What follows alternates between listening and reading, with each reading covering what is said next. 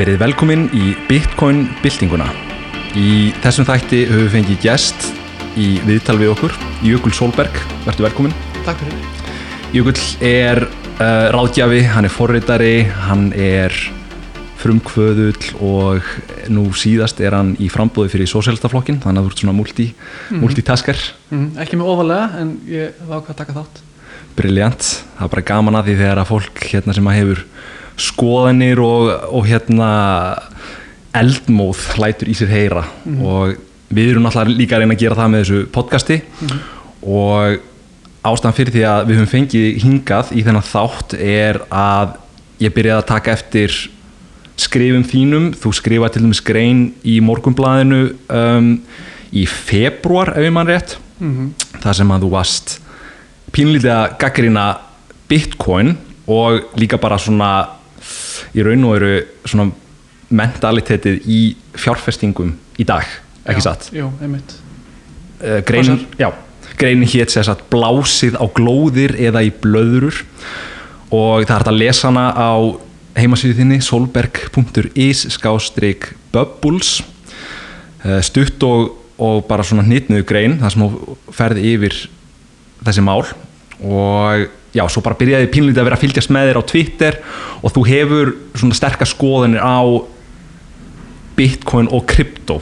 Mm og það væri bara gaman svona áður en að við förum kannski út í þessa grein og svona hver skoðun þinn í dag er á þessum heimi að bara svona fara pínlítið yfir sko hvað hvar byrjaði þetta, hvernig Já. er svona þín fyrstu kynni af bitcoin og hvernig svona þróaðist Já. sínin minn, ba minn bakgrunnur er í hugbúnaði þannig að ég, ég hérna, mann, eh, það er langt síðan ég byrja að fylgjast með þegar að Bitcoin kom og, og, og, og hérna, ég held ég hafi skrifað öruglega fyrstu greinuna um Bitcoin á Íslandi.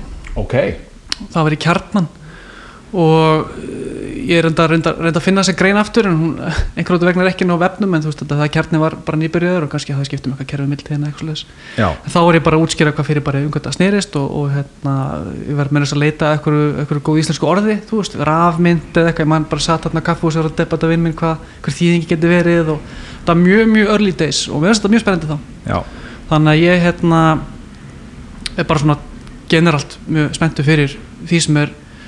sem er er nýtt og, og sérstaklega við ekki með tækni og hefum alltaf stopnað veist, fyrirtæki sem byggja á tækni og eitt þar heitir hérna Takumi, ég var, ég var í quiz-up þar á undan og svona var að taka þátt í hugbúna þróuninu þar og, og svona vörustýringu og, og hérna svo stopnaði Takumi sem byggir á Instagram til að búa til svona markaðslöstun og því. Þá er ég aftur að reyna að finna góða íslenska þýðingu af einhver orði sem að enda að vera áhrifaldur að, wow. hérna- fannstu það orð? Já, ég meira sem sko fór í útvarpi og tala um, tala um þetta og var alltaf að segja influencer, influencer á rúf og það alltaf gerur ekki sko. Nei. mætir ekki rúf og, og slettir sko. Þannig að ég fekk að læra það og reyni trösta og var alveg brjálar á Facebook Hva, hvað er verið að bjóða þessum mann í útvarpi að það er ekki, það er ekki hægt að skilja orð sem hann segir. Og ég er svona ok, það þarf að læra þessu. Og þarf að vanda sig. Og hérna kom með þetta áhrifaldur kannski að grunda með það, svona gerist þetta náttúrulega bara, Já, já, bara mar margir með sömu hugmyndina. Einmitt, en svona bara til að, að hérna uh, punkturum minn alltaf bara, veist, ég, ég hérna var spenntur. Og svo hef ég orðið meira meira gaggrinn og ég held að stór liður í þeirri þróun að vera meira gaggrinn á krypto og það sem er í gangi í því speysi er kannski mín kynni af hagfræði, ég fór í hagfræði í Háskóla Íslands og, og flankaði svolítið á prófum og droppaði út og fór bara forrita sko, þú veist, Mhm. þannig að það er öll að fá vinnu við, við þann gera sko. Mhm. þannig að það var svona minn fókus og minn ferill. En þarna hagfræði hefur alltaf verið finnst, finnst mér mjög svona áhugavert topic sko.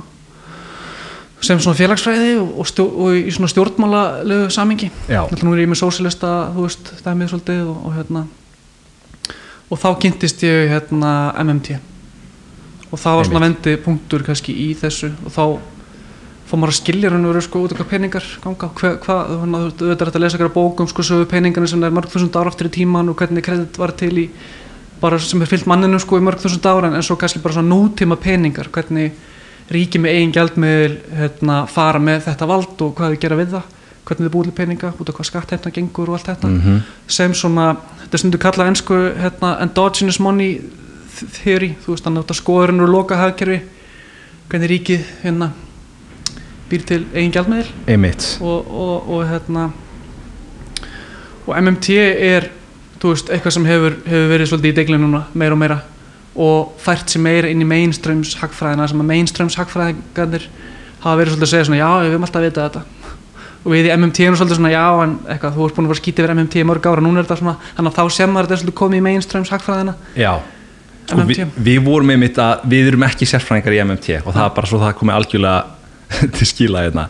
Og við vorum bara núna áður en þú komst að veltaði fyrir okkur sko, hvort, eða, hvort að sé einhver munur á uh, því sem að er kannski kallað svona Keynesian hagfræði og svo MMT Já. Keynesian hagfræði er ekki kýnsisk hagfræði, það er svolítið svona búið að hijacka, eða það sem að kýnsiskir hagfræðingar, svo kallega svona neoklassikal hagfræðingar, það sem þeir aðhyllast er ekkert endilega ósað mikið það sem kýns var að tala um. Í dag er talað um njú Keynesian hagfræði. Og nýju kýnsisku hagfræðingar eru miklu nær MMT og það er miklu nær það sem kýns var að tala um. Þannig að þetta er svona smá svona vöru sveikarna á milli sko, eftir Já. kýns og neoklassikal hagfræðingarnir sem að leipala sig sem sko kýnsían hagfræðinga. Einmitt, sem er sko svolítið til að setja svo á móti sko austurísku hagfræðina held ég. Já, þú veist, hún er, hún er kannski svolítið langt í náttina þannig skil ég þetta. En ég set, svo smá fyrir Já, var á þetta en, en ég, ég svona, það er minn lestur á þetta en new, eða sko post kýnsían það er MMT skólinn já þannig að við erum að, það er svona svo er það missið salgjörlega í þessum leibólum Einmitt. ég myndi bara kannski bara segja að það er alltaf merkilegt með þú veist um, að því að ég hafði þannig sé ekki mikinn áhuga á hagfræði fyrir en að ég byrja að kynna með bitcoin og eins og allavega flestir okkar hlustund að vita þú veist, þá er þá, þá ertu dálítið austurísku hagfræði megin í bitcoin þannig að Já. það er klárlega sjónarhóttin sem á færð á, á hérna uh, hagfræði og sem er algjörlega á skjön við við uh, Keynesian eða MMT eða post, post-Keynesian allt þetta sem þú ert að tala um skilur nákvæmlega.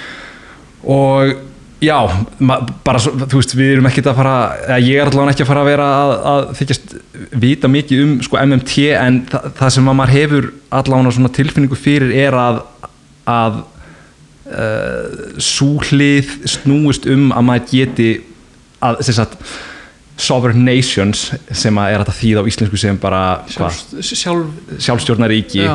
geti prentað út eins mikið af peningum og geta án þess að það hafi áhrif á, verðlag. á verðlag Já, og þannig að bara svo ég var eitthvað að skota þannig að þú veist Ísland til dæmis gæti gert þetta. Mhm. Bandaríkin geta gert þetta en Gríkland gæti til dæmis ekki gert þetta því að þeir eru innan Evrópusambandsins Já. þar sem að þeir hafa ekki stjórn á sínu, útgáfunni, já, útgáfunni. Nákvæmlega, þau eru meira svo sveitafélag í Europasambandinu já, eða sett, þú veist, það sem að löndin eru meira og sveitafélag eru hérna, það sem að Reykjavík og Akur eru, eru orðinir sko notendur á, á krónunni en ekki útgefundur á henni. Þau eru ekki Já. með sem seðlabanka og þú veist, Greikland er alltaf með seðlabanka teknilega séð sko, en það er búið færa hann úr út, þessi útgáfu völd og, og, og, og mikið að peninga eh, stjórnum tækjunum úr þeim seðlabanka í þennan central seðlabanka í Európa einmitt. Einmitt. Já, við getum kannski Where to begin sko. Já, nákvæmlega, þú veist, við, hérna, þú veist, þessi, þessi þáttur átti ekki endilega að vera að fjalla um MMT, sko. Já, en verðlag er mjög gott entry point í þessu umræð fyrst mér sko, á milli austuríska og MMT og Bitcoin og þetta. Akkurat, þannig að kannski er að takla það Já. Þú veist, þessi peningaprentun. Einmitt. Sko þess að þú sagði ráðan, það er að prenta peninga bara til að gera hvað sem er og það er nú ekkert sem heftir hérna, ríkisvaldið í að, í að fjárlög Mhm. eh, og, og, og það er ekkert hámark á þeim fjárlögum það mjög eftir umræðinu sko að hérna að í bandaríkjunum sé svona þak sko, þá þarf eitthvað leifi til þess að auka fjárlögin og, það er rétt að það er eitthvað stjórnsýsla í kringum útgáfa peningum skilur en at the end of the day þá þá er það sem er að gerast þegar að ríki sem er með þetta monetary sovereignty eða svona peningalegt sjálfstæði uh, þau efna til útgjaldana í raun og veru algjörlega óheft sko. Þau þurfa ekki að spurja Sælabankan þau þurfa ekki að spurja neitt. Það eru bara samþýtt náttúrulega fjárlög af stjórnmálamennum sem Já. varpa ljósi á okkur forgangsröðin Já, í hvað á að setja peninga frá ríkinu. Uh, en, en svo er alls konar tryggingakerfi sem eru, sem eru á fjárlögum sem að enginn veit hvernig fara á því fjárlega tímabili gott er með þetta til dæmis atvinnleysistryggingar ef að COVID kemur og það er rosalegt atvinnleysa á söðunisjum þá er, þá er enginn að fara að sko, stoppa fólkið sem kemur á atvinnleysabætur og rétt á þeim og segja að peningarnir eru búnir. Að þetta er trygging þannig að, sko, er ofta að tala um sko, að hérna, tryggingagjaldið í- á launastælinum er að, fjár, er að fjármagna aðtölunisbætur, þú veist, já það er, er eitthvað svona hugsun í ráðnutinu sem, sem á annan málaflokk sem segir hérna koma inntekjur sem er eitthvað að mattsa þessu útgjöld og það þarf eitthvað að stemma svolítið af. En þetta er svolítið villandi umræða. Vegna þess að í hruninu þá bara sá þetta gerast að aðtölunisskráin hún, tæmdi í raun og verið tryggingagjaldið þú veist, tryggingagjaldið var ekkit hafði ekkit verið nægt þegar hruni var til þess að, til þess að borga aðtölunisbætur en það voru samt greitar út og ríki var bara reiki með halla. Mm og þetta er það sem við erum að tala um það ekki? Þú veist, það er þessi, veitu, hvernig meikar að sens hver, hver er þessi halli gerður upp eða? Jú, en líka Eða sko ekki, á verðlagið. ekki endilega bara með ríkisvaldi að taka sagt, að, að, að ríkisvaldi fá peningin heldur að sko seðlabankunir sem að prenta út peningin uh, hverjir fá aðgengi að peningunum fyrst það eru auðvitað ríkisvaldið fær að, aðgengi og svo ertu með þá eigna og fjársterku aðila sem að eru í samfélaginu sem að hafa hvað maður segir svona first pick í að ná í peninga og í dag eru peningar fáanlegir á mjög ódýru verði hjá böngunum að því að vextir eru lágir. Já, ok, einmitt, já. Sko, við bökkum aðeins í hérna í hvað rauð þetta gerist, veist, það er nú veru þessa, þetta tryggingakerfi og, og, og, og, og þessi grunnþjónusta og þessi fjárlög Mm. þar sem pe- peningarnir verða til. MMT segir nú veru svona ringar á þessa peningasöguna en það byrja þar. Byrja þarna verður til nýr peningur bara með því að slá hann, alltaf, um að segja prenta peninga en enginn að bókstala prenta það sko, hann alltaf bara verða að slá hann eitthvað upp að þér inn í eitthvað tölvikeri sem heldur um bókaldaríkisins en svo kemur Sælabankin og gerir þetta upp með það að gefa út ríkisskuldabrif í þessar röð þannig að fyrst kemur ríkið peningarnir verða bara til Mhm. bara í gegnum hérna, fjármálarándið eða getum sagt alltaf einfaldar utana og svo kemur Sælabankin og gerir þetta upp með það að gefa út ríkisskuldir. Og svo er það bankarnir sem kaupa ríkisskuldabrif til að operera millibankamarkaðin og þú veist, ég er ekki svo best í heimi að fara yfir öll, öll mekanik sem að eiga sér stað þar en þetta er svona uh, bankarnir eru með, eru með tengingar við Sælabankan mm og, og hérna, þetta er nú ríkissjóður hefur aðild að millibankamarkaðinum beina, beina aðild sko. Já, og þetta sést á höfubókunum í Íslandi svolítið skemmtilegt, út af millifara vinnin 0323, það er hérna höfubók eitthvað lala. Uh, ríkið er með uh, land, landsbankin er með, ein, með, með, með hund- hund- hundrað og svo ríkið er bara með sérnúmer sko. þannig að þetta er svona, það sem maður sér þetta alveg hérna sko. einmitt.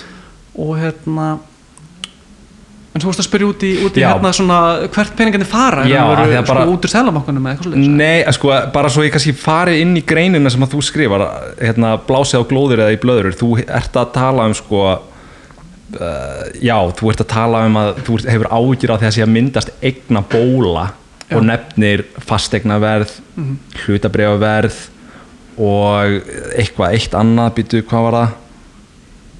Já, allavega alls konar eign- eignir, eign- eign- Við erum að tala um allavega já, hlu- hlutabrif og hérna fastegnaverð þá aðalega á Íslandi og svo ertu með eins og bara eins og Bitcoin og þetta eru allt, ef þú myndir setja þetta ef þú myndir setja hashtag bak við þetta allt þá er það bara skarsett asset skilur, Já, hörglar já. eignir. Nákvæmlega. Þannig að þú ert með uh, fyrirtæki sem að taka til dæmis lán ódýrt fjármagn að láni og kaupa sín eigin hlutabrif og þannig hækka, hækkar verðið upp af því þeir eru að okkar mati, allavega eins og ég sé þetta og það eru mjög margir í Bitcoin heimum, heimum, sem, að, sem að eru að greina ástandi þannig að eigendur uh, fyrirtækja þeir kaupa hlutabrif í sínu eigin fyrirtækjum að þeir eru með eigið fjö bara kass Mhm. on the bank sheet hérna, og, og sjá að kaupmátturinn er að í raun og veru bara bráðuna út að því að með aukinni peningaprentun innan gæsalappa mm. að aukið hérna magn peninga í umferð í hagkerfinu það verður til þess að verðbólga á sér stað sem þýðir að þú fara alltaf minna og minna fyrir peningana sem þú átt.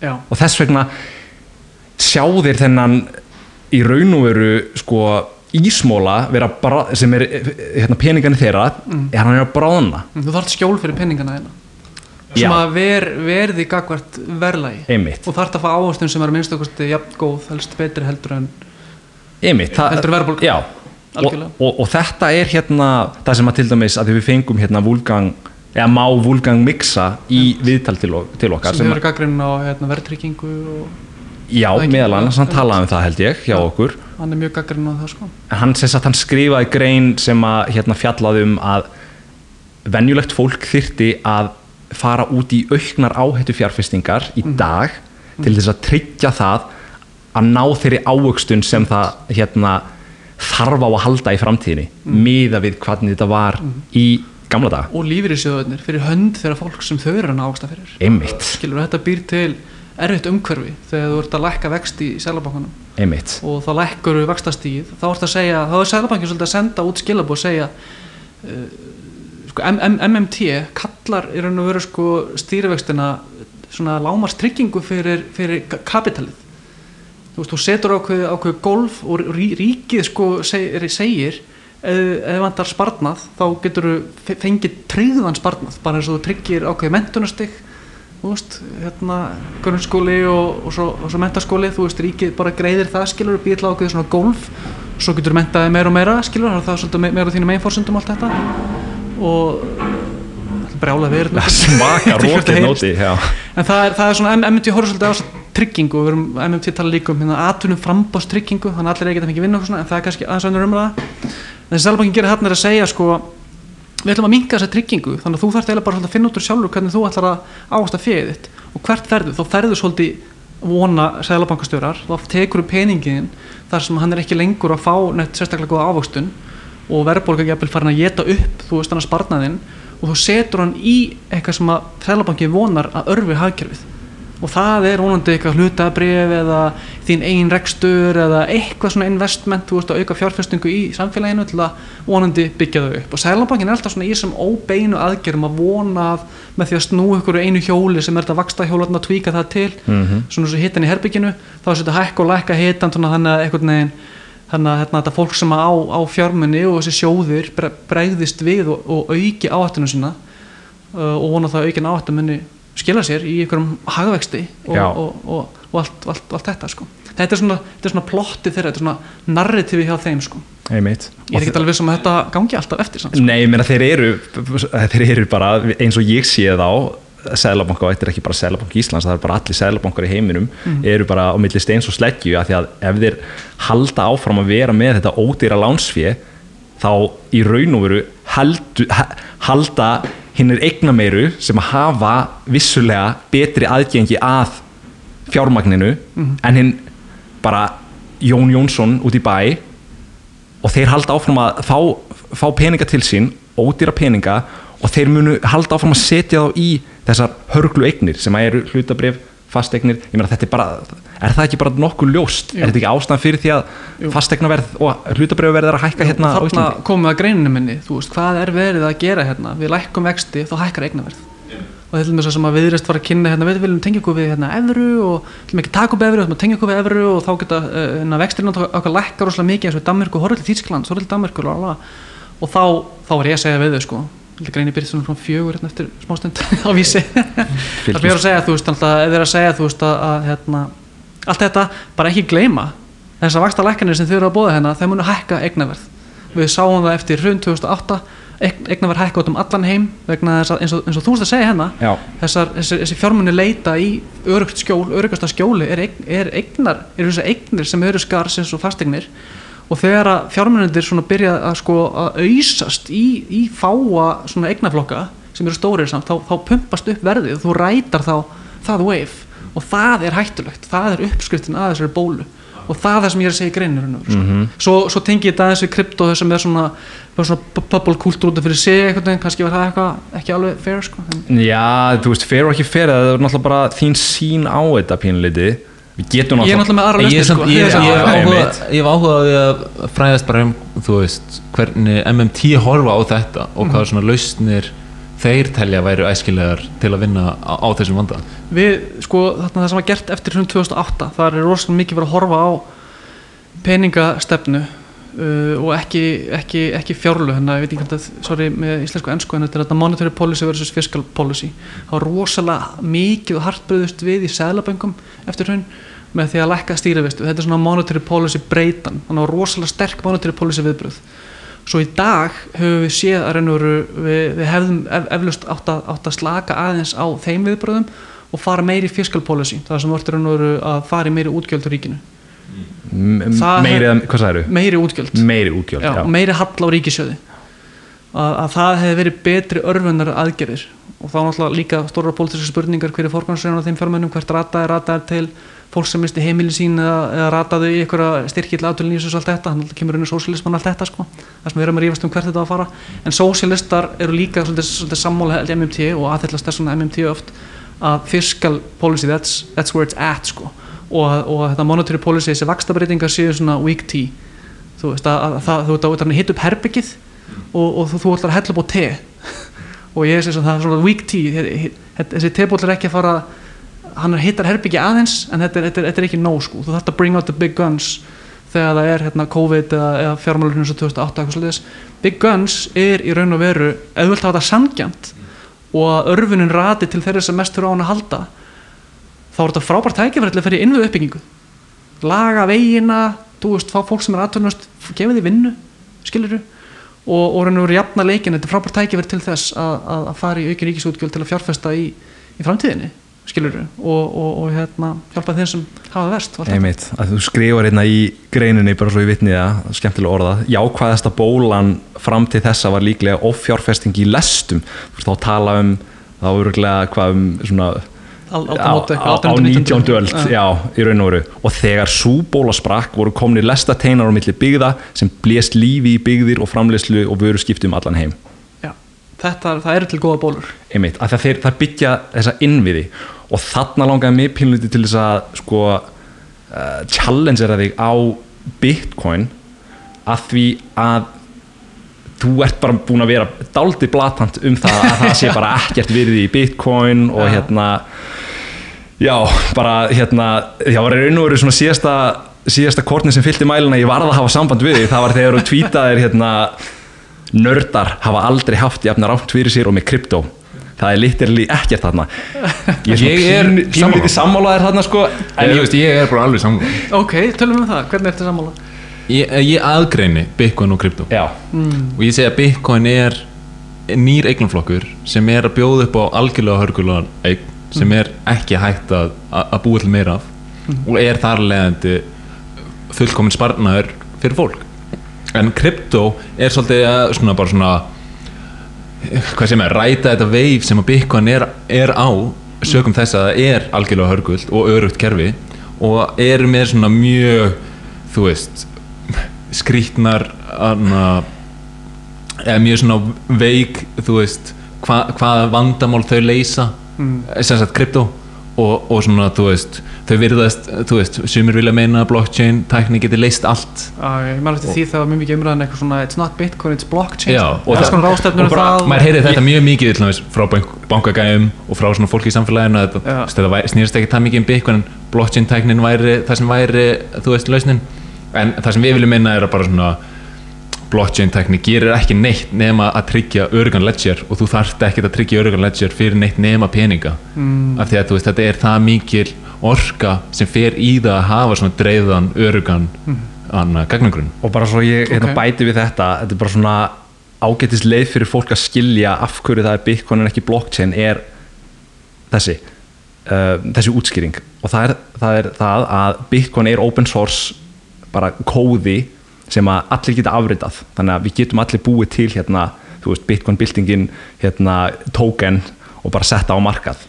En það er að horfa á þetta sko, þú getur líka kóperað Wikipedia heimasíðuna og búið til þú veist, Jökull Solberg wikipedia.com en það fer enginn inn á hana. Það eru notendur kerfisins sem að í raun og veru skapa virðið og Bitcoin í raun og veru ber höfuð og herðar yfir allt sem að tengist blockchain tækni upp á þetta að gera. Sjáum við fyrir okkur að fólk muni hafa útgjöldin sín í, þú veist, Bitcoin.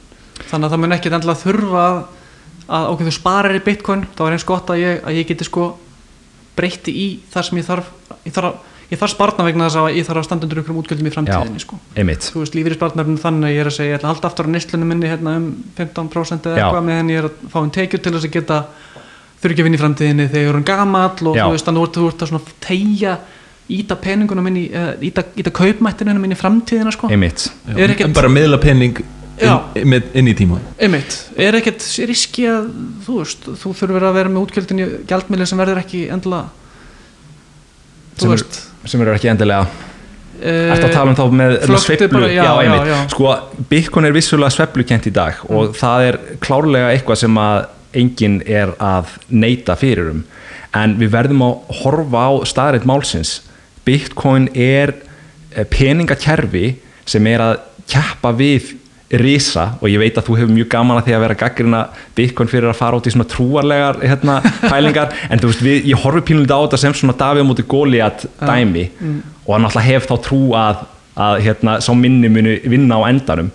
En þegar þú ert með kerfi sem er að berjast við svona risa þá er eh, í raun og veru ekkert nema eðlilegt að sveiflunar séu miklar en svo fer það bara pínulítið eftir á hvaða tímaskala þú horfir á Já. það hefur til dæmis enginn sem hefur keift bitcoin og, átt, og haldið í 200 vikur það hefur enginn tapað kaupmætti uh, leitnin er upp á við til lengri tíma svona.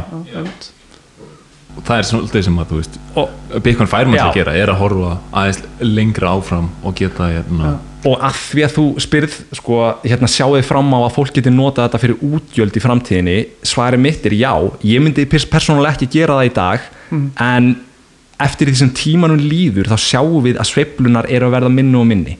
Og það er bara held ég ekki um, álita mál ef þú keirir aftur í tíman þar sem að þú ert að skrifa fyrstu greinina á kjarnanum veist, þá erum við að horfa á að Bitcoin er að fara upp um þú veist, Já, því líkar hæðir og að krassa um 80-90% í dag er það að fara upp í skiluru því líkar hæðir en krassar 60% og þú veist ég er ekki starffræðingur, það var gaman að vera með hérna, Hel Dr. Helga Frey hérna með okkur einhvern tíman aftur. En, en ef maður horfir á í raun og veru uh, hvernig verðsveiflur hafa hagað sér í þau 12-13 ár sem að Bitcoin er búið að vera til þá er hægt að sjá að þú leitast upp á við og sveiflunar er að minka þannig að það mun vera í hérna eðlilegt fyrir fólk að haga uh, kaupum sínum á, á, á hérna já bara þú veist kaupa tryggingar og kaupa í ma maturur fyrir, fyrir Bitcoin. Það er alltaf þetta scarcity. Það. Þannig að þá var þetta vantilega bara orðið beint fallað í hversu margir trúa þessu. Einmitt, því fleiri sem eru með því, eða því fyrir sem þú kemur inn í þetta narratív sko því meira getur ávakstað og, og, og eins og við horfum á það þá, þá, þá eru notendur að aukast og það er alltaf að verða meira og meira hvað maður að segja, svona network effekt af þessu kerfi. Trendi virðist vera svona nokkuð nokkuð fast og sérstaklega ef maður horfir á til dæmis bara graf af Bitcoin yfir síðustu 12 ár og setur á logarithmik ofta þegar maður er með linjar hann graf þá sér maður þetta mjög aul, óljóst. Það lítur bara út eins og, eins og hockeykilva bara endalus bubla eða, eða, eða einhver bubla sem er búin að springa. En leið og heldur setur þetta í logarithmik þá sérðu svona hvernig Bitcoin virðist vera að hækka í takt við halvings sem eiga sér stað fjara ára fresti. Mm, og, og, og ofan að það þá, þá sérðu þau bara svona meiri hana, sér, sérðu alltaf svona stert trendi að fleiri og fleiri fyrirtæki eru byrjuð að nota sem store of value, eh, svona fyrir varvæslu varmenta og já, lönd, sér lönd eru byrjuð að gera það. Og nú nýlega lönd byrjuð að, að samþykja það sem lögeri Mm. þannig að, þetta er náttúrulega svona koncept sem að það þetta transcendar svolítið svona ríkishugmyndina líka sko.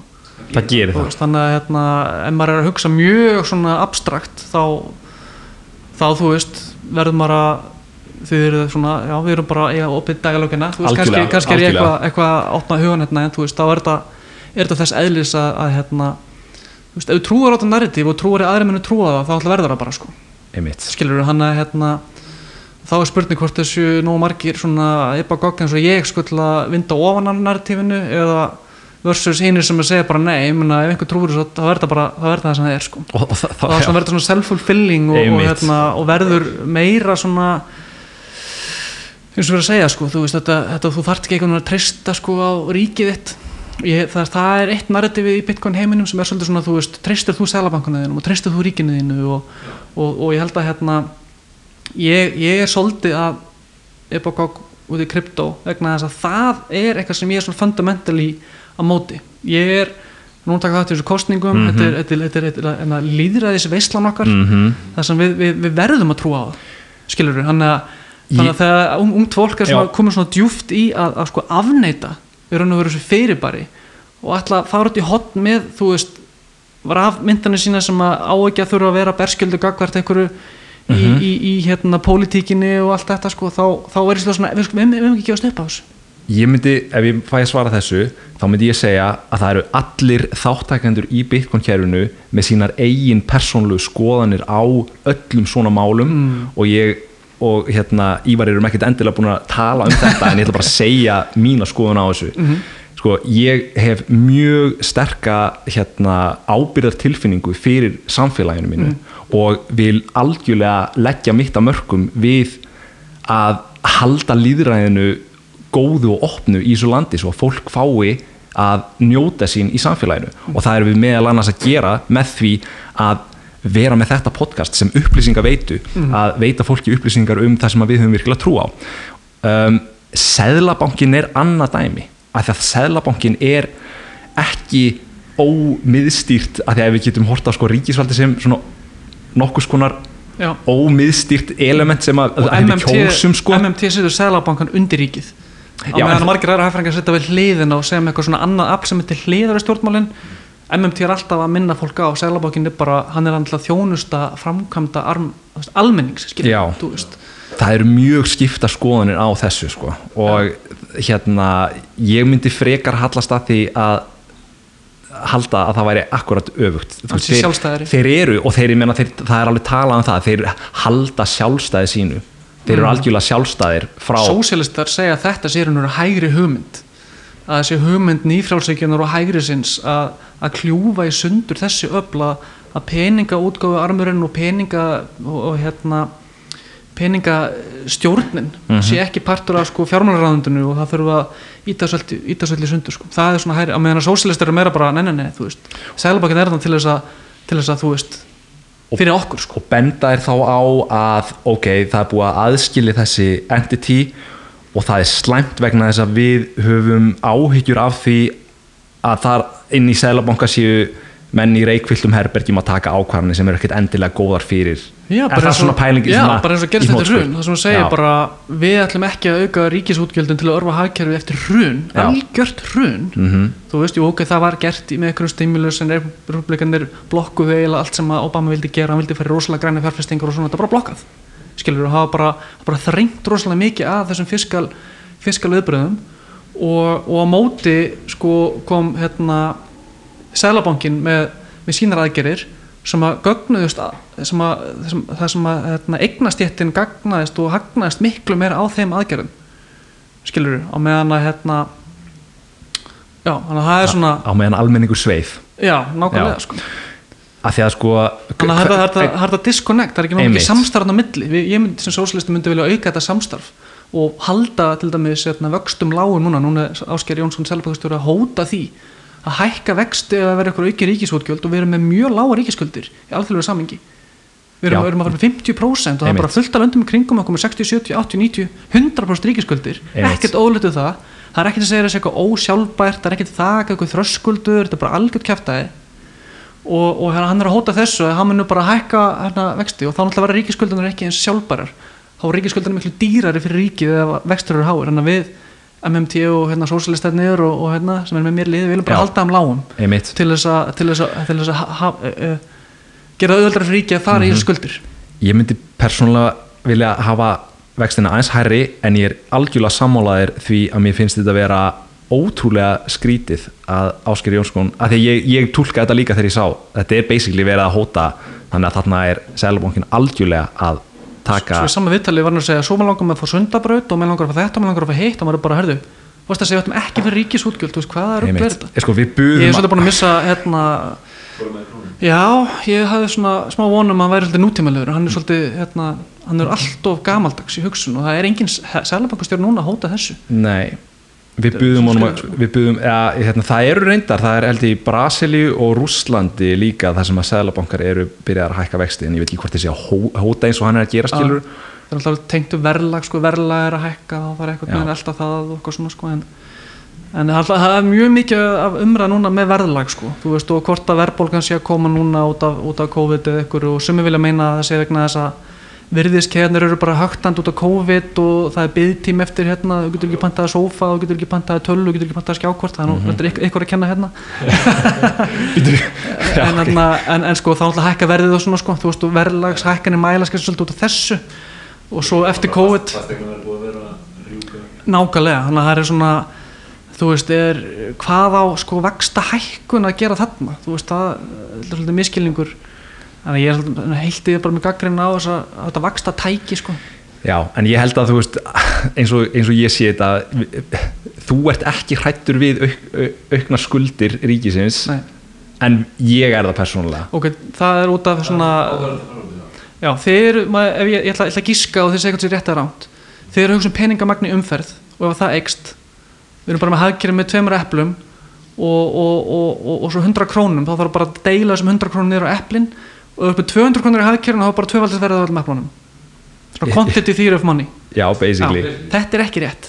Af hverju er það ekki? Jú, byrju, það, það, það er það, ef þú horfir á hvernig hörglar eignir eru að hegða sér mm. þess að sjálfgjafar vörur þann, það sem að þetta á algjörlega við af því að sko epli er kannski ekki alveg besta dæmið af því að þú ert með eitthvað sem að er hægt að framleiða á, á auðveldan máta. Ef þú ert með eignir sem að er ekki hægt að framleiða á auðveldan máta eins og hús, eins og fasteignir eins og bitcoin, þá sérðu algjörlega. nákvæmlega hvernig tvöföldun pe peninga í umferð hefur áhrif á verðlag. Ef þú dælir peningum út í hagkerfið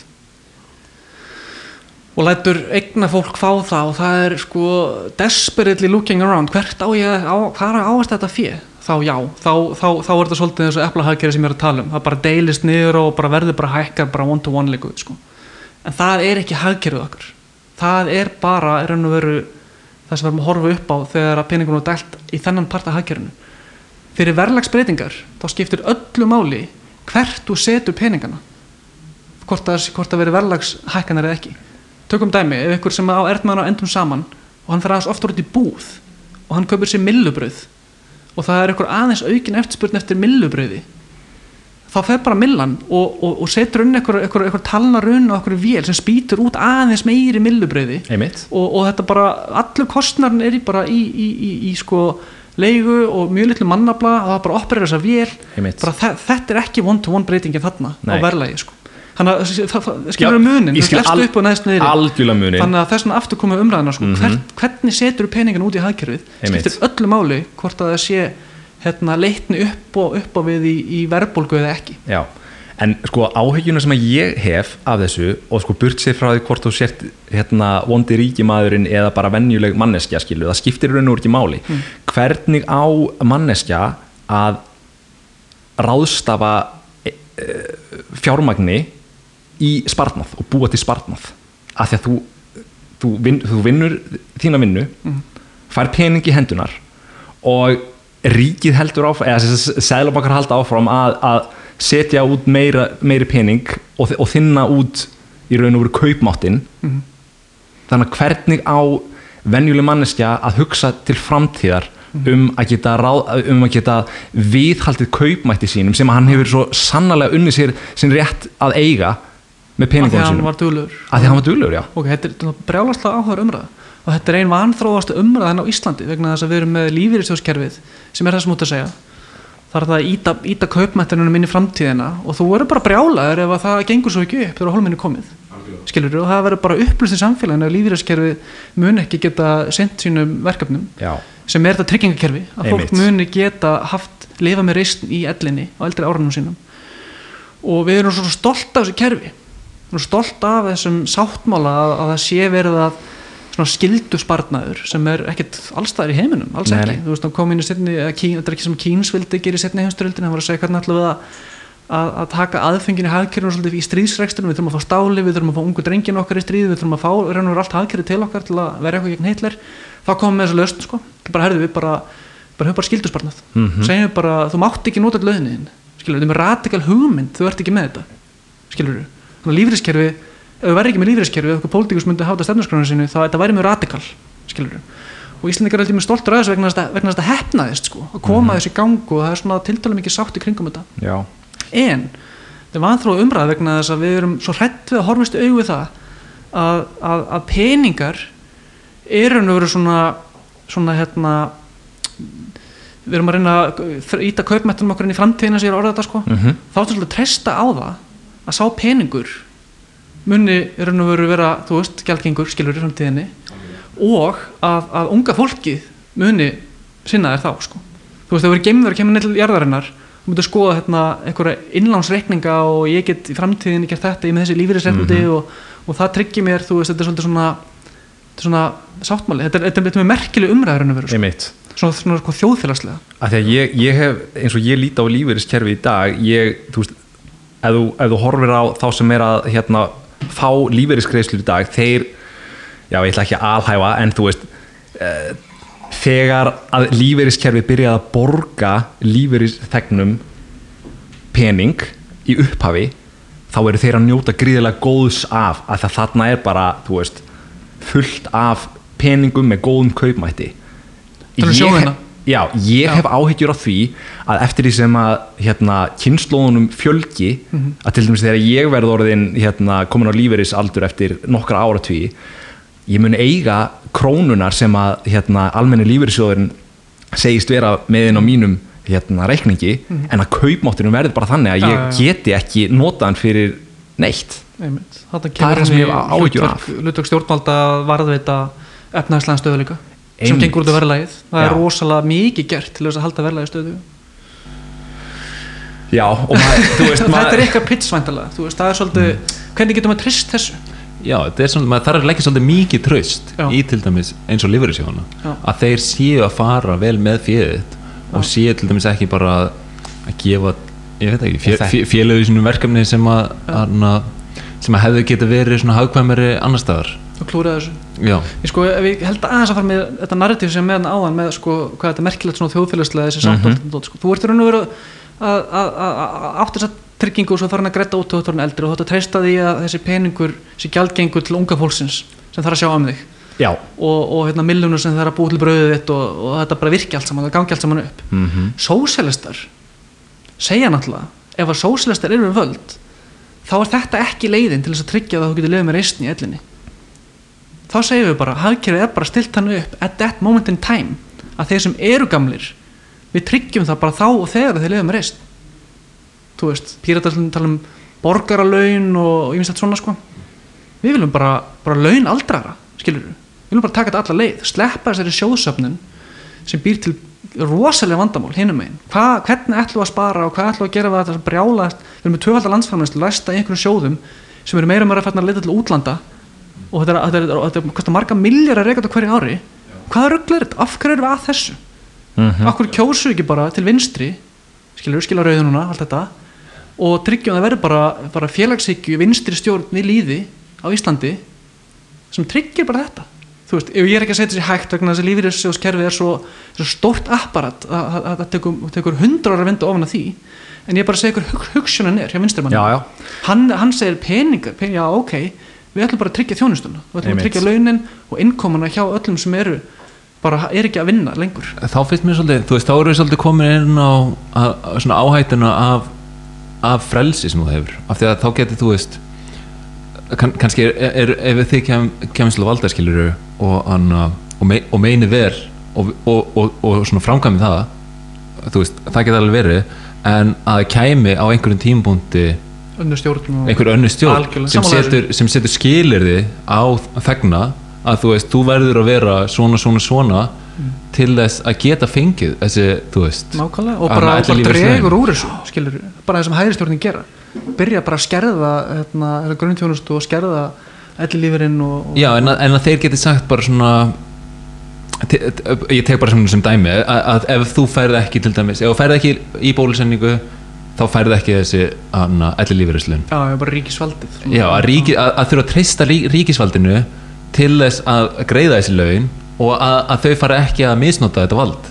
Já, einmitt, þannig að lífyrirsjóskerfið verður svona verður svona svona, við erum að tala um að Bitcoin transcendar sko ríkisvaldið, við erum að tala um að lífyrirsjóskerfið transcendar þessar ríkistjórnir sem hafa alls konar agenda og, og hérna er nú verið farið yfir það eitthvað neginn þannig að fólk þurfi ekki að treysta það er ekki að nota það gegn fólki.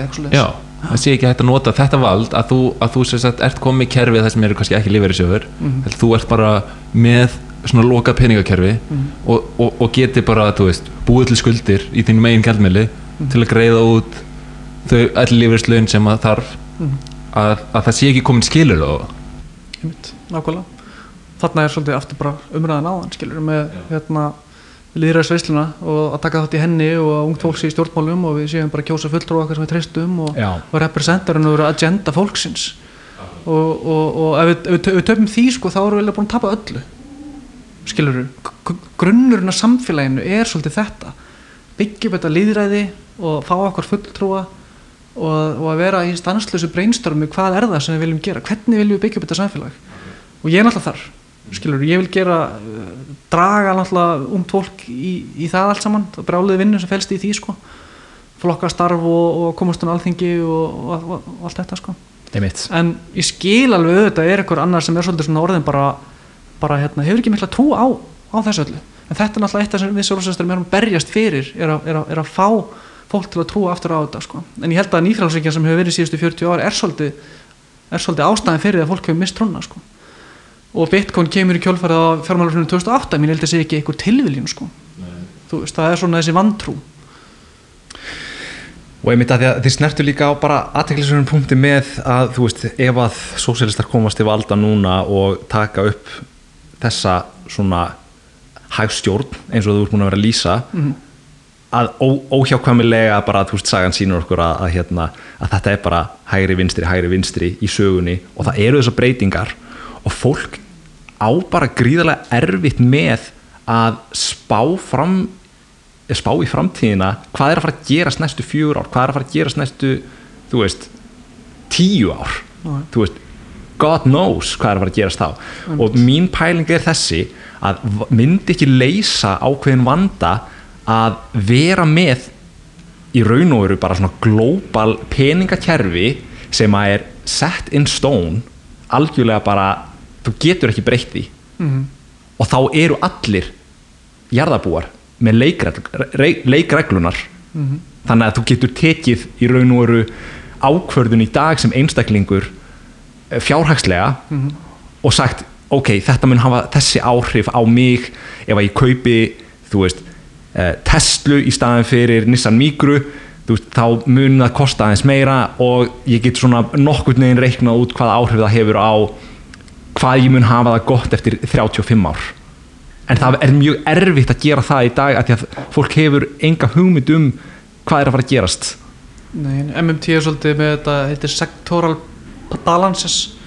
Það er að skoða raun og veru sko þess að þrjá geira með sko rí, ríkið og enga gera á heimili og ytri sektorinn sko utrækis viðskiptin og Óli Margir sem er dölur að posta svona gröfum sem sína hvernig þetta hefur þróast í gegnum hrunið og núna og þerðmann að gera upp og þá er ytri sektorinn komin í plús og svo getur hérna séð svolítið svona hvernig hérna hvaða kaupmátt svona kaupmátturinn er svolítið svona það sem við erum að flytja út sko. Þú veist við getum við eigum að geta flutt inn að öllu jafna jafn mikið inn og flytjum út þá er það nulli sko. Og hérna þannig að svona við er meira að skoða eitthvað svona heldur en sko ef allir myndu eiga parta einhverju ákveð, ákveðni eign sko og geta skipt henni aftur yfir í peningarnir sem við þarf til að standa þér útgjöldu sko. En má ég spyrja ykkur hérna endilega. eru þið svona að tala um svona bitcoin maximalism ég talaði um marga sem eru mjög hrifnar ethereum og smart contracts og ég hef enga tvo því heldur. Svo eru þið að segja þeir eru ekki mikið að pæli því þeir eru ekki mikið að pæli krypto heldur bara aðalega bitcoin. Mm -hmm. eru þið svona bitcoin maximalistar þannig að þeir myndu vilja sjá þú veist ríki sjóður en veru færa sér alfarið alveg yfir í bitcoin. Og, og, og og veru ekki geta gefið út sinna eigin gjaldmiðl já, það er ángríns held ég bara nokkuð neginn þýsið sér í þessu. Og þá myndur ríkisjónu þurfa að skattleggja allt í bitcoin og þá ertu svolítið komið með dæma þess að þú þart alltaf að já, eiga bitcoin til að standa út og því að skattur er partur af þínum útgjöldum? Það sem að þú ert með svona global kjær, þú veist, burt sér frá, ég veit að það er líka mjög svona eh, hot topic hérna, skattlagning í Bitcoin maximalista heimunum Ok. ég er ekki alveg eitthvað svona með gríðarlega sterkar skoðun á, það. ég, eins og ég sagði áðan ég vil geta hérna búið í samfélagi og, og hérna gefið, gefið mitt skiluru um, en já basically í grunninn þá er þetta sínin að það sé global kerfi þar sem að ríkisjóðir eru að stapla bitcoin og, þá tapar og þessi monetary sovereignty. að, bara að ríki sé smá ábyrgt fyrir eðslusinni skilur að þeir geti ekki bara eitt út í, út, í að endalösa án þess að þú veist það sé einhverjar afleðingar Einmitt. og að þú veist það sé einhver svona, einhver svona limit á því hvað þeir geta eitt í mikið? Þannig að ægin kemur svolítið svona for free. Þú fær bara agan, hann er bara Já. byggður inn í bitcoin. Maður finnur þetta náttúrulega persónulega að það, maður fær bara svona að, fá, að hafa pening sem maður getur treyst á að kaupmátturinn eikst inn í framtíðina. Mhm. kannski, að, að, að þar að lenda að þú sérst að horfa kannski fjör ár inn að, að það bara algjörlega breytir hugsaðinni og gerir þeim mun agaðri í neyslu og eðslu þetta var mjög stór partur af svona selling pitchinu þegar Evran var innleitt þegar Evru verkefni og komið á þann stað að það var svona farið að selja þjóðunum hver ætlar að vera með í Evrunni þá er hérna í söðrinu sko það sem, að ríkis, það sem var meiri að jafna rík, hallar ríkisjóði og herri ríkiskuldir eins og Ítalíu og svona þar var svolítið svona narratífið og deglaðan þar umræðan í þeim löndum og svona í Þískalandi að loksins væri nú komið tækifæri til þess að aga þessa ríkisjóði hérna í Suður Evrópu sem að, sem að bara er ekki minn okkur fjármála stjóra hérna og fjármálaráðherra og, og allt þetta sko og það gengur, það gengur ekki lengur. Og hún er bara komið inn í sterkan gjalderi sem að þýskið innarinn er svolítið halda uppi og þetta verður munum bara að leysa þetta svolítið. Svo alltaf það sem kemur ljós er að oft, oft, oft er sko þú ert komið efruna á stórunni þessu þetta sveitafélag hérna, sem er notandi af gjaldmiðli en ekki út, útgefandi. Þá getur þú ekki farið í þessar ríkiskuldir og það er hérna Maastricht sáttmálinn bara tjóðurar það niður í 60% ríkiskuldir og það er svona mjög flókna reglur um að hækka yfir hvað tímil að það er að lækka aftur og okkur svona dót sko en það ertu komið með sko hérna mun þröngari stakk eins og þú ert að lýsa.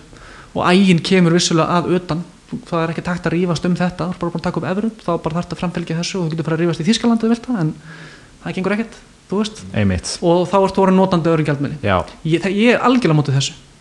Þetta er, þetta er svona andstæði við liðræðisveisluna sem ég er alltaf að tala um. Það sem að það, sem að, hérna, það getur verið mjög góð ástæði fyrir að fara í aukna ríkiskuldir sérstaklega í kreppu. Já, og ég er ekki að segja þessi hérna, engin, ég, þú veist ég var að segja að það er, hann, hann er engin þröskuldur að þessum ríkiskuldur verða eitthvað hérna, hérna, of háar og ósjál ós, hérna, hvað er þetta? Sustainable en hérna en uh, stöðu þetta að passa upp á verðlægið og passa upp á gengið þitt þá, þá er þröskuldurinn getur verið mjög hár hund, sem 100% einmitt. Þetta verið lægi sko. Og þetta getur verið gríðarlega mikilvægt í COVID eða í kreppu eða að, að leifa sér að fara í þessi ríkiskuldir sko. Held ég sko, ég held að sé, að sé alveg galið að ætla, að fara að kasta þessu sko. Þess vegna er ég á móti að myndum taka upp eitthvað svona bitcoin eða eitthvað rafmynd sko. Því þú, þú þarft að geta gefa út þinn, eigin útgjöld Ok, sko. en, en, en þá myndum við segja að þú veist að Ray Dalio hefur talað um þetta.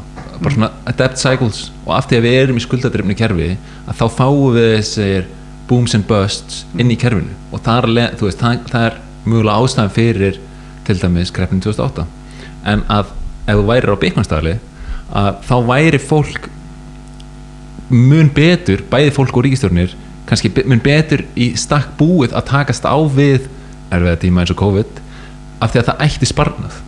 En eins og í dag í skuldadreifni kerfi að þá í raun og veru á engin sparnað. Fólk á bara í, í flestum tilfellum fasteignir á háum lánum og, hérna, og lítið um sparnar á bankabók einfallega vegna þess að það gengur ekki að vera með sparnar á bankabók. Það er bara of dýrt, verðbólgan er hærri en vextinir en þú átt ekki sparnað? Og ekki með COVID? Þú þarf bara að fara að, að hérna, taka til einn aðfengu til þess að búið til vaksín og eitthvað. Ertu það ekki svolítið fucked? sko þetta er náttúrulega bara það er erfitt að fara út í þetta án þess að eða Hitler kemur já, þetta er, já sko hann já, er bara, að Hitler kemur luftvaffin er bara að koma er bara, við erum ekki með bitcoin sparnað en, það má, er, það er alveg skelvilegt en málið það ef að Hitler myndi koma skiluru og koma í stríð við Ísland Mhm.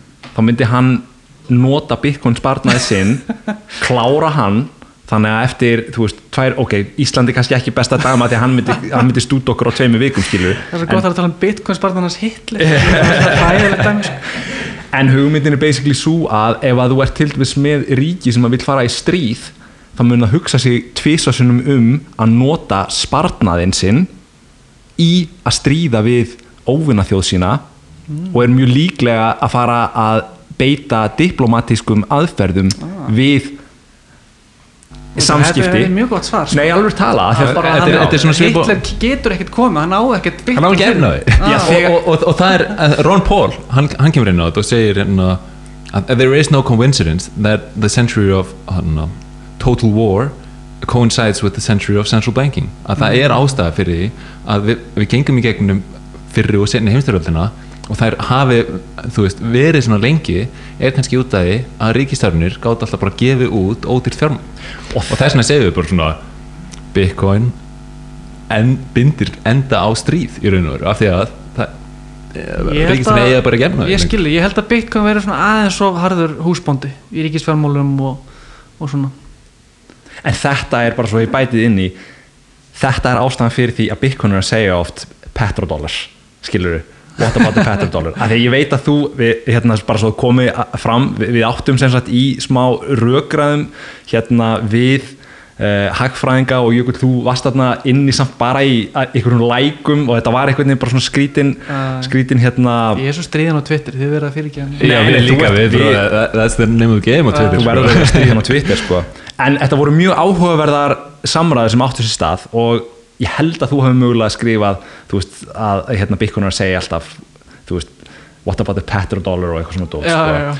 en þetta er samt ekki bara eitthvað svona mím sem að að segja og það er engin innistæða fyrir því Já. þú veist, bandareikin eru á 21. öldinni búin að fara inn í Írak ná í ólíuna og það er engin, ekkert, ekkert launungamála að ólíu viðskipti í heiminum eru gerði upp í dollara og eru nú reyndar í miklum hérna veist, það er vafasamt um hvort að það muni haldast. Flest viðskipti. já, og flest viðskipti.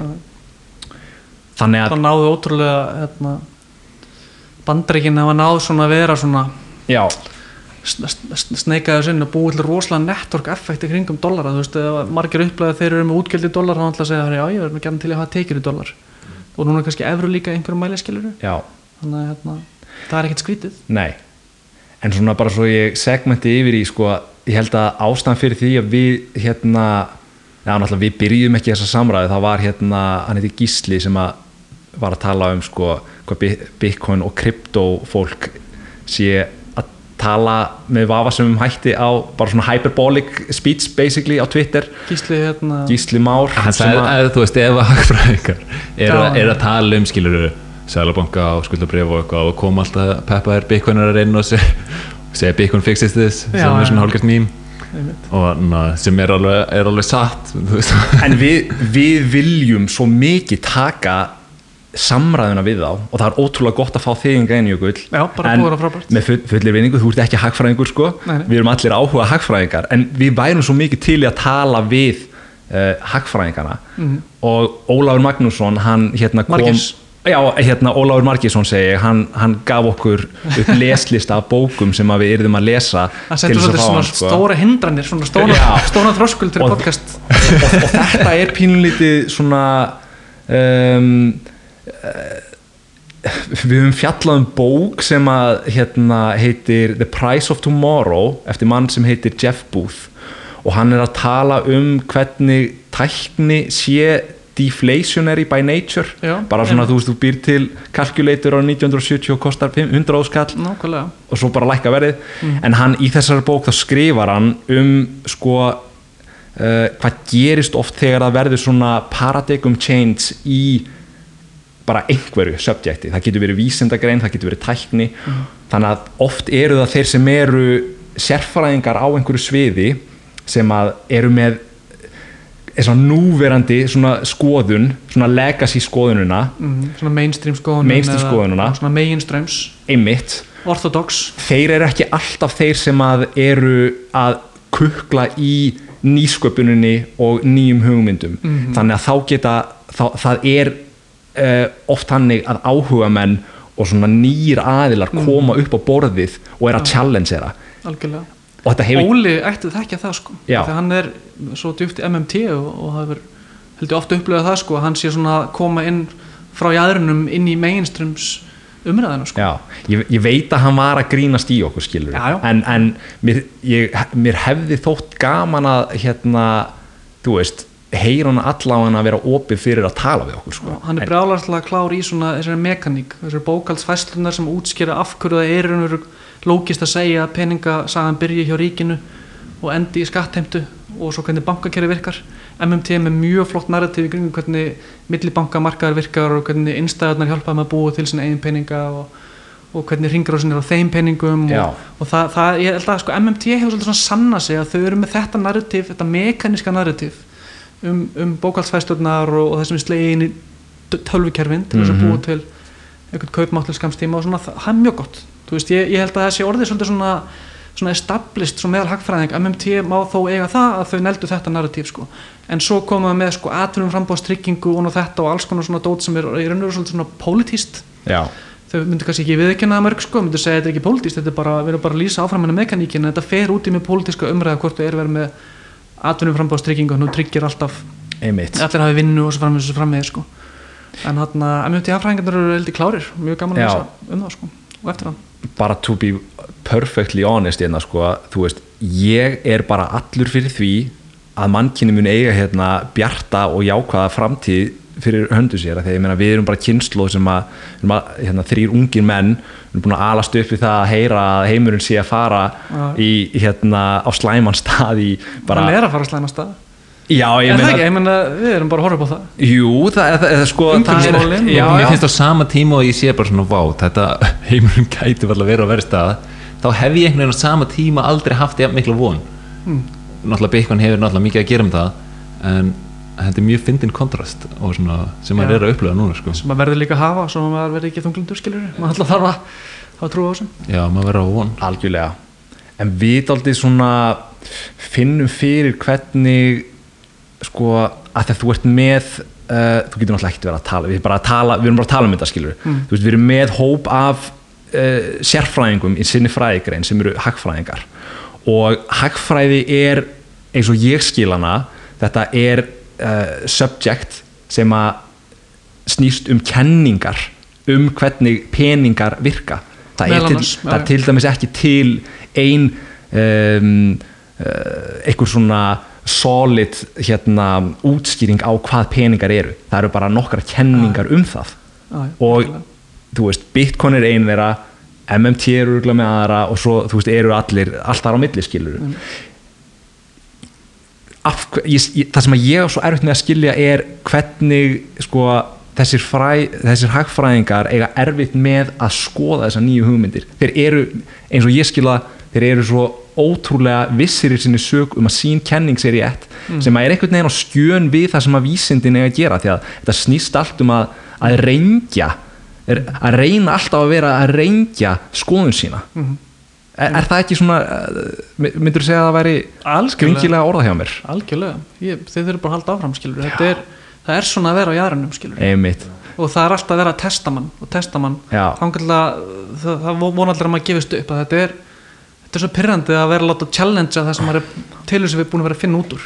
Og svo geggja að finna út úr einhverju. Og þú vilt bara ekki að fokki í því sérstaklega bara eða þreymur árum í eitthvað, nám og eitthvað sko þú veist og svo kemur maður bara í jarnum og, byrjar að fokki öllu og það er náttúrulega bara maður mætir smá andstöðu skilur það þýðir ekki að vera veljandi því sko. Nei, það er gott að fá klapp á baki frá Já. við hérna bara sjúum upp í nös og höldum áfram. En eitt sem getur gerst í þessu ferli er náttúrulega að fjármála eftirlit komi og myndir sér að myndist svona hérna, konsensus milli fjármála eftirlita í svona hinn vestræna heimi sem líkist kannski því sem að kynverður er búin að vera að gera og, og annað að að þeir finna þetta ógna selabænkunum og það verður bara raun og veru gert margt til að slaka á þessu sko. Og, og það, það getur gerst sko. Ég, ég er ekkert, það kemur ekkert óvart sko. Það kemur eld- heldur ekki óvart og, og maður er eiginlega næstu að búast við því. En, en maður er svona, þú veist telur það ekki vera óg af því að maður skilur í raun og veru hvernig kerfi er sett upp og það, þegar maður skilur hvernig kerfi nær að halda um, algjörum hörgli af 21 miljón þá fer maður að skilja bara svona að það er nánast ómulagt að slökka á þessu. Og, og að þú veist svona tengingarnar inn í hagkerfið í dag þú getur, þú getur alltaf reynd að Þú getur reynt að bæla þetta niður í getur einhvern tíma. loka, kaupallir, gert þetta svona eh, svona svona wares, sko, þú veist, þú þetta fara inn á svona síður með ykkur IP tölu og þú veist, það er að gera þetta hundleðilegt og erfitt, sko. Þannig að al, alminningur er svona farin að maður, þetta, sko. við höfum oft líkt þessu við sko, við skrýmslegana sem var í Herkules sem, sem er með marga hausa Já, og leiðu skerði einn af þá vaksa nokkri viðbót. Eins og þú sást gerast í Nígeri núna nýla að þeir, þeir bönnuðu Bitcoin. Ok, og, hérna, og þá bara rauk upp Já. sem sagt að peer-to-peer trading og, og, og svona ómiðstýrðar anna, kaupallir sem að þú, sem að, þú veist það sem þú ert bara að- að að- að kaupa af einhverju annari mannesku og, og það virðist svona vera, það sem þú ræðist á Bitcoin þar virðist það svona verða sterkara. Já, svona anti-fragile. Enda fragile, einmitt. einmitt. Kína hefur bannað, Indland hefur bannað þú veist, við erum að tala um stærstu ríki heims sem eru kannski ekki það er, já, kínverjar eru nú ansið góður að halda utanum þjóð, þjóð sína skilur en, en við erum að tala um, veist, það hefur svo sannlega verið reynt að uh, stúta og bara kála Bitcoin-kerfinu. En það virðist vera einmitt eins og segir það, það, það sem að uh, reynir að býta á því það gerir raun og veru bara sterkara fyrir vikið. Og, og líka það sem spilar inn í leikjafræðin þannig að þú veist, þegar þú ert með kannski að Evrópuríkin myndi taka sér saman og við ætlum að banna Bitcoin og allt trading og bara svona, eða, heavily regulated þannig að það er nánast ónótæft að það er svona hvetur aðra þjóðir til þess að taka það upp og svona að, að, að þú veist, þú þyrftir eiginlega að ná öllum ríkistjórnum saman á, á sama borð til þess að fara upp á móti þessu að því að annars bara mun einhver einn poppa upp eins og El Salvador eða, eða, eða fleiri þjóður þá, þá er svolítið svona áhverð að hugsa svona ef að Bitcoin er óstöðandi afl og að fólk mun leita í það sem hérna fyrir sparnað að hvað, þú veist, hvernig sér þú það fyrir þér að þú veist uh, núverandi peningakerfi eða, eða kannski svona meiri MMT hliðan peningakerfi gæti lifa samhliða því að fólk væri að leita í Bitcoin sem sparnað? Hvernig þessi tvö kerfi getur verið svona? Já, e, þú veist? Ég fyrir, fyrir þá- MMT til að virka það, þú veist, þar nánast ekki Bitcoin bara að verða bannað. Nei, MMT er lýsing á hvernig peningakerfi virkar í dag sko og svo kemur þetta policy prescription hana svona í kjölfarið sem er þú veist aðdunum frambástrygging og ymslega fleira sko. En lýsingin sem ég var að segja sko þau eru svo góðið að negla lýsingar á bankakerfinu og hvernig ríkisjóðu virkar það er basically bara nútíma peningar eins og þeir eru. Það er ríki gefur út sinni einn gjaldmiðil. Um, eins, og, eins og þetta er núna þá er náttúrulega bitcoin bara svona, svona forma sparna í raun og veru. Þú veist bara svona asset class þar sem þú getur svona verið vissum að bitcoinu mun ekki fjölga óstjórnlega og þú ert þá svolítið væntalega að veðja að, að, að flökti verði þegar hagstætt til lengri tíma eða skemmri tíma. Þannig, þannig að þú veist MMT hagfræðingar held ég ætla ekki að gera öllum upp eitthvað skoðun en ég myndi halda þeir væru að segja svona bitcoin er og veru ekki peningur þetta er og veru bara asset class eins og fastegnir eða eitthvað. Þú veist bara ég held að þa- þa- þannig myndi MMT hagfræðingur horfa á bitcoin í dag sko, myndi ekki, ekki, ekki segja sko þetta er í gildi, við getum tekið þetta upp í staðin fyrir peningana eða eitthvað slitt ég held að aðalatrið þarna sé, ef ef ég tala fyrir sjálfa mig þá er aðalatrið er um, að ha- hafa getunum til þess að gefa út peninga óheft. Er mjög mikilvægt fyrir jöfnuð og komur sér upp úr kreppu og örfa hagkerfið og bregðast við erum við krísa með utan og þurfum ekki að vera með eitthvað sparnað af, sko, við náttúrulega erum með gjaldir sem fara að forða þannig að þú getur reyndar sko tilbaka og sagt sko byrju, Ísland, Íslands krónan er ekki gjaldgengi í útlöndum. En Íslingar til að bregðast við kreppu þá erum líka konum með hérna hafa verið að ræða eitthvað hérna, Bjarni Bein var með eitthvað hugmyndum svona þjóðar sjóð hérna, á Wall Street og, og við erum nú þegar með risastóran gjaldir sem fara að forða sem hefur verið að stækka. Þannig að hérna kannski kemur út á það sama, ég veit ekki.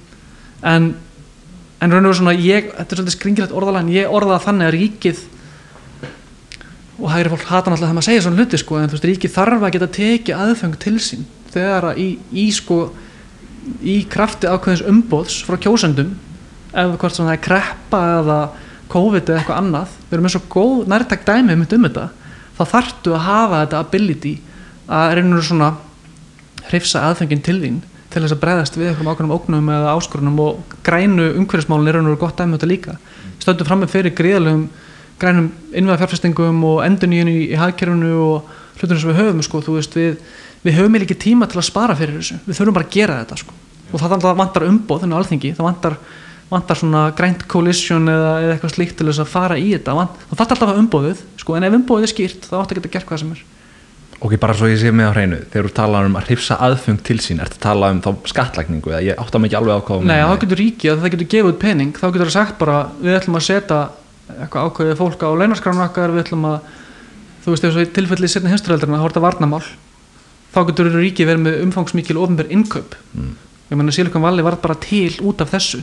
Ríkið var bara, herðu okkar vantar hérna að geta stýrt ykkur um eldflögum og Texas Instruments er bara ok, fokk, við þurfum að fundið því og bara með sjúklega kröðar hann sko kaupanda á tækni, það var ekkert fyrirtæki að kaupa þessa fyrstu örgjöru þetta var bara varnamál það var bara það mikið pressa, það var bara svona pressure cooker. Einmitt. Og það var allt bara að gerjast inn í þessu og ríkið var kaupandinn. Já, og þá gáttu fyrirtækin tekið svo bilaða áhættu. Einmitt. og innovationin fór í gang út af því. En þú ert að tala um þarna einmitt varnarmál, skilur hvað er peningurinn sem að fer í fjárfenstingu á varnarmálum í bandarækjunum sem en, að er en snúum þessu við, snúum Já. þessu við. Förum þá yfir í okkar tíma sem er ekki varnamál heldur sko hérna, heimsfaraldur sem er, sem er grænu fjárfestingum sem við höfum farið til að draga losun orkuskiptin, þetta eru aftur, þú veist, ríkið þarf að fara í með metnaðafællu uppbyggingu á hlæðslustöðum ríkið þarf að, þarf að hérna, breyta byggingareglugerðum skiluru og, og, og byggja upp kannski bara netjaskóa svo við getum verið að byggja úr,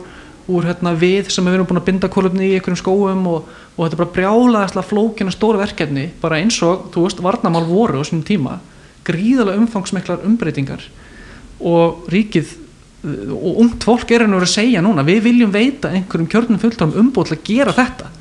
Hvernig ætla þá þessi kjörnum fulltróar að bregðast við og gera þetta ef þeir get ekki tekið til sinn aðfengin og gjalderinn og Íslandi er þetta svolítið snýst þetta svolítið um það veist, sem þarf til þess að, að framkvæmda En maður spyr sér þá, þú veist, ef að fólk byrjar að nota bitcoin í auknum mæli og þú veist, minkar það ekki svolítið getur ríkisins til að geta búið til pening af því að þú veist, færri er að nota hann í sparnað eða í þú veist. Ef að Bitcoin myndi svona hægt að að taka yfir eða? Já, já, eða þú veist, fleiri og fleiri og fleiri byrja að nota bitcoin. Þess vegna er það ekki svolítið ógn gegn MMT? Jú, jú, og eða bara, já, nútum, að peningakerfi það er, það er, það, þess, þess vegna er ég svolítið svona á móti Bitcoin, skilur, þess vegna er En- það mig en hingað, þá að maður ég er svolítið skeptiskur á þetta og þetta er svolítið svona að grafa undan hugmyndafræðinni minni. Þetta, er smá klass á milli hugmyndafræða heimsi sínin sko. En, en þá spyrum maður hvernig, þú veist ef það er ekki hægt að stoppa þetta veist, þá, og þetta er bara raunveruleiki þú veist hvernig, umhverfismáli nei, annað bitcoin. Hvernig, að það, það er raunveruleiki og, og það er ekki hægt að stoppa það þú veist, hva, þú veist varðla getur þetta tvent lifa samlega nei, nei, ekki eins og þau eru að tala um þetta sem svona Bitcoin maximalism það er það sem ég er á móti ég er ekkert að móti að Bitcoin sé til og þurfa að banna það og svoleiðis. Ég vil bara passa að það sé mjög skýrt að við séum ekki að fara að leggja niður uh, sælabanka og, og, að- og, að- og að missa þetta monetary sovereignty og er nú verið getunni til þess að bregðast við með, í krafti umbóðsins sem að kjörni fulltrúar hafa. Þeir verða að, að, að hafa helst sinn einn gjaldmiðil til að hafa, hafa algjörnum sveginleika ekki evru, þess vegna er á móti evru og hérna, þannig að við erum kannski að eiga svona svolítið svipa samtal og, og ég og, og evru sinnarnir, ég er á móti þeim. Þú veist, þetta er oft svona, kemur að sama með þetta er svona svi- svipar ástæði fyrir að ég vil hafa peningaútgáfuna hjá ríkinu í krónum sko. já, nema það er bara svo gríðalegt incentive fyrir fólk að nota bitcoin. Já, ég nota það ekki. Nei, en þú veist En það er alltaf fleiri og fleiri að nota að veist, það er besti sparnarinn sem það hefði getað notað í síðustu 5-10 ár Já, ég, við ekki hálið, ef maður hefði hoppað inn. Ég er þetta kipti hann að fekk Aurora droppið sko. Já, ég og ég breytti strax í Bitcoin sko. Og svo glemdi ég þessu, svo er ég bara bítu, bítu, bítu, shit, fór hann á Coinbase var bara eitthvað, var þetta ennþá þar? já, ég gæti 150 skall eða eitthvað. Ég man eftir einu sem og var seldi á alveg svona toppinu sem kom hann að 2000 og, 17, já, já, vel gert. Seldi ákvært á sko. og en hann, að- já, ég, ég var einn í vinnunni á mér sem að sem að var að bara heyra í öllum reyna að fá að róra og, og hérna síðan endaði hann á að geta keft sér Mac, MacBook Pro og ég var bara, what, bara þú veist Mac- hvað er í gangi? En í dag þá hefði þessi MacBook Pro heldur kostað, þú veist, 10 bitcoin. Og hann þannig. Herra, við erum búin að vera að tala í klukkutíma Já, rétt er rúman. Um, Við erum ekkert búin að tala um umhverfismál og bitcoin aðeins, ég kom aðeins um einhversmál Já, en bara sko með hvernig já, hérna, með bitcoin er já, það er ekki fínt að sleppa því bara? Jú, Sko, en í annan þátt. Ég, ég hérna, bara þá, þá vil ég bara segja skilur að, að þú, það, það eru gríðilega mikið af miskilningi hjá fólki um hvernig bitcoin mining er algjört umhverfis skrimsli skilur og við, við til dæmis fjöllum um þetta í þætti núna, ég man ekki númi hvað hann var það er þetta, hlustundu getur fund, fundið hann auðvitað á Spotify en mér finnst svona pínlítið eins og að þeir sem að eru að tjá sig um Bitcoin fara og gaggrina umhverfislegina án þess að vera raunverulega búin að kynna sér málin nógu vel. Þeir eru kannski búin að lesa grein sem að kemur í einhverju, einhverjum hérna, fjölmiðli en að kynna sér nákvæmlega hvernig kerfið virkar það er það sem að vanta það pínlítið sem upp á. ég er ekki með þessari umræðu er annars að með eina hliðina sem sér ekki, skilur ekki út á hvað það gengur og fattar ekki valjúð í bitcoin eins og ég og þá er eiginlega ekkert fótspor sem að justify er eitthvað sem er alveg gagslöst skilur versus hini sem sjá þetta sem sko nýtt peningakerfi á alheimsvísu global spartnaðurinn og peningakerfi og þeir eru alltaf humongous fyrirbæri þá getur þú ætti að geta réttlætt talsvært fótspor.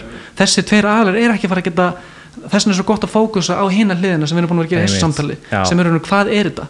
Fyrstir í solveru það ef þú kemst á eitthvað plattform þar eitthvað svona grundvöll getur mæst í meiri leiðið eitthvað þá held ég þú getur fara að tala um sko, hva, hvers konar umhverfis fótspor ættum við að geta réttlætt með þetta utility í samfélaginu sko. Að þegar við erum með mýmörg dæmi um use cases og virði af kerfinu sko, sem Já. að bara venjulegt fólk sem að þú veist, að því að þú ert maður fólksins í sósélastafloknum, það er fólk bara sem að er bástatt út í heimi sem að hérna er búin að annarkvort hefur ekki bankareikninga hefur hérna, og greiðslumiðlunni brotin og, og, og það er óða verðbólga og þetta fólk er að nota ég, bitcoin. ég, ég er búin að kaupa það núna. Bara, ég get alveg viðkjönt bara hér og nú.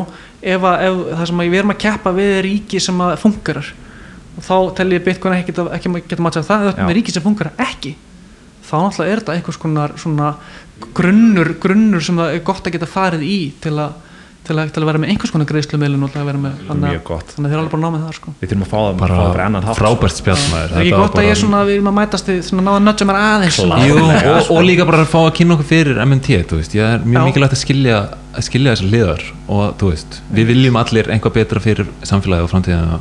Og þú veist, við erum bara að reyna að figure it out. Það er þarna bók sem að Stephanie Kelton gátt sem heitir The Deficit Myth sem er um svona ríkiskuldur er ekki eitthvað svona sem ber að greiða niður en satt og hætti er no matter what heldur að, að, að hérna, hún, er, hún er svona fyrir beginner í MMT þá það held ég ljómandi góðan í bók sko. Algjörlega, við þurfum að lesa hana. Ég, ég, náði tett fyrir lesunum hennar. Já, einmitt, hún er mjög skemmtileg mjög klár, en ég er bara að þakka fyrir mig. Frábært spjall, Takk kærlega fyrir komuna. Bara takk kærlega fyrir takk. Við erum á Telegram, komið í grúpun okkar Bitcoin Bildingin annars bara þökkum við fyrir áhörnina sjáumst í næsta þætti